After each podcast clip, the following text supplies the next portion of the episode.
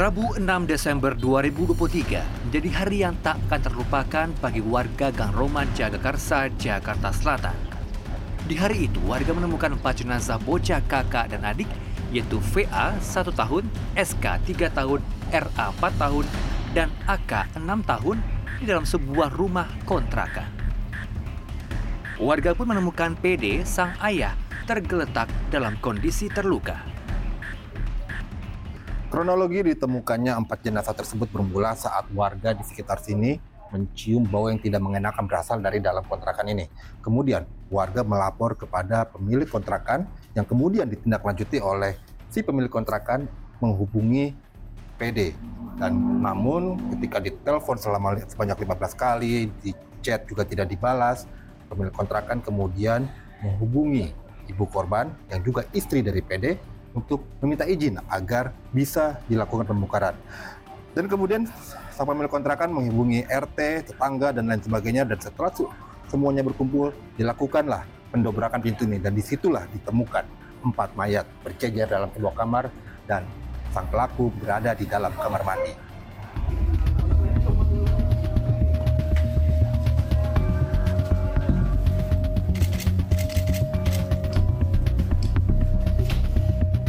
PD, pria 41 tahun ini langsung dicurigai sebagai tersangka pembunuhan.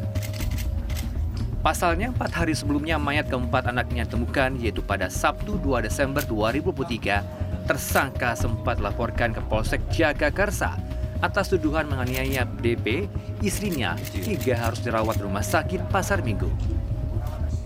Namun sayang, polisi tidak segera menangkap tersangka. Ada sejumlah pertanyaan yang muncul dalam peristiwa pembunuhan empat anak ini, yaitu bagaimana dan betapa teganya si suami ini melakukan pembunuhan terhadap anaknya sendiri. Apa motif sebenarnya?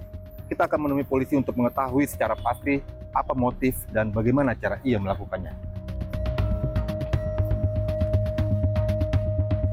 Polisi berdalih setelah mendapatkan laporan kasus KDRT, mereka langsung mendatangi tempat kejadian namun saat itu rumah terlihat kosong dan tidak ada tanggapan. Kepada polisi melalui pesan singkat, tersangka mengaku sedang berada di rumah temannya bersama keempat anaknya. Piket Reskrim pada saat itu menuju ke TKP sekitar jam 23.00. Namun setelah diketok, digedor, tidak ada respon dari rumah atau dari dalam. Tidak ada respon, tidak ada aktivitas. Tanggal 4 Desember, yakni hari Senin, Ya, Babin Kamtipmas yang tadi juga sudah, yang pada hari Sabtu juga uh, mendatangi TKP, kembali mengecek TKP pada hari Senin. Nah, kemudian bersama dengan warga mencoba kembali untuk menggedor ataupun mengetok pintu tersebut, pintu rumah itu. Namun tidak ada respon sama sekali. Polisi yang mendobrak pintu lantas menemukan keempat mayat korban dalam posisi berjejer di kasur kamar. Sementara tersangka tergeletak di lantai sambil memegang pisau dengan kondisi tangan tersayat. Rabu malam 6 Desember Kapolres Metro Jakarta Selatan Kombes Ade Arisham Inradi menyebut di dalam rumah polisi menemukan sebuah tulisan yang diduga dibuat oleh tersangka dan ditujukan kepada DP istrinya. Dari barang bukti dan olah TKP polisi menduga tersangka berupaya bunuh diri setelah melakukan perbuatan kejinya. Tersangka pun diduga membekap keempat anaknya hingga tewas secara bergantian, dimulai dari anak bungsunya VA. Usai membunuh anak-anaknya, tersangka bahkan sempat menata mainan kesukaan para korban dan tidur bersama jasad mereka. Di ponsel dan laptop tersangka, polisi menemukan bukti rekaman video yang menunjukkan kondisi para korban sebelum dan sesudah pembunuhan. Selain pembunuhan berencana, tersangka pun jerat dengan pasal KDRT dengan ancaman hukuman maksimal pidana mati. Lantas, apa motif tersangka?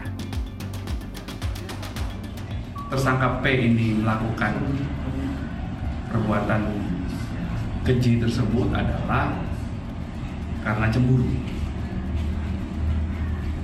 Cemburu kepada istrinya, saudari D, sehingga akhirnya hari Sabtu pagi eh, terjadi tindakan penganiayaan terhadap saudari D.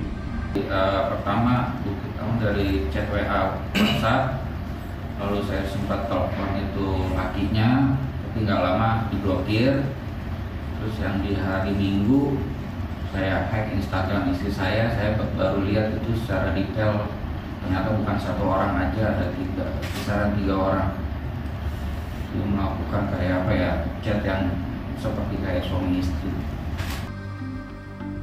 Kesaksian soal sosok orang tua korban juga diungkap pemilik kontrakan. Tersangka PD menganggur sementara istrinya bekerja dan menjadi tulang punggung keluarga. Pemilik kontrakan menyebut keluarga tersangka tidak mampu membayar sewa rumah selama 4 bulan terakhir dengan biaya sewa Rp2.500.000 per bulan. Psikolog forensik Reza Indragiri Amril menilai pesan yang ditulis tersangka menunjukkan bentuk balas dendam dari tersangka. Bukan hanya pembunuhan berencana, perbuatan tersangka juga tergolong pembunuhan massal.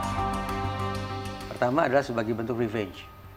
Bahwa misalnya, karena aku sudah merasa kehilangan, maka sekarang giliran kamu yang juga merasakan kehilangan yang sama. Revenge. Ini kan berasosiasi dengan cemburu. Di sisi lain, Pungki Indarti, anggota Kompolnas juga menyoroti lambannya kepolisian dalam menangani sejumlah laporan kasus tindak KDRT.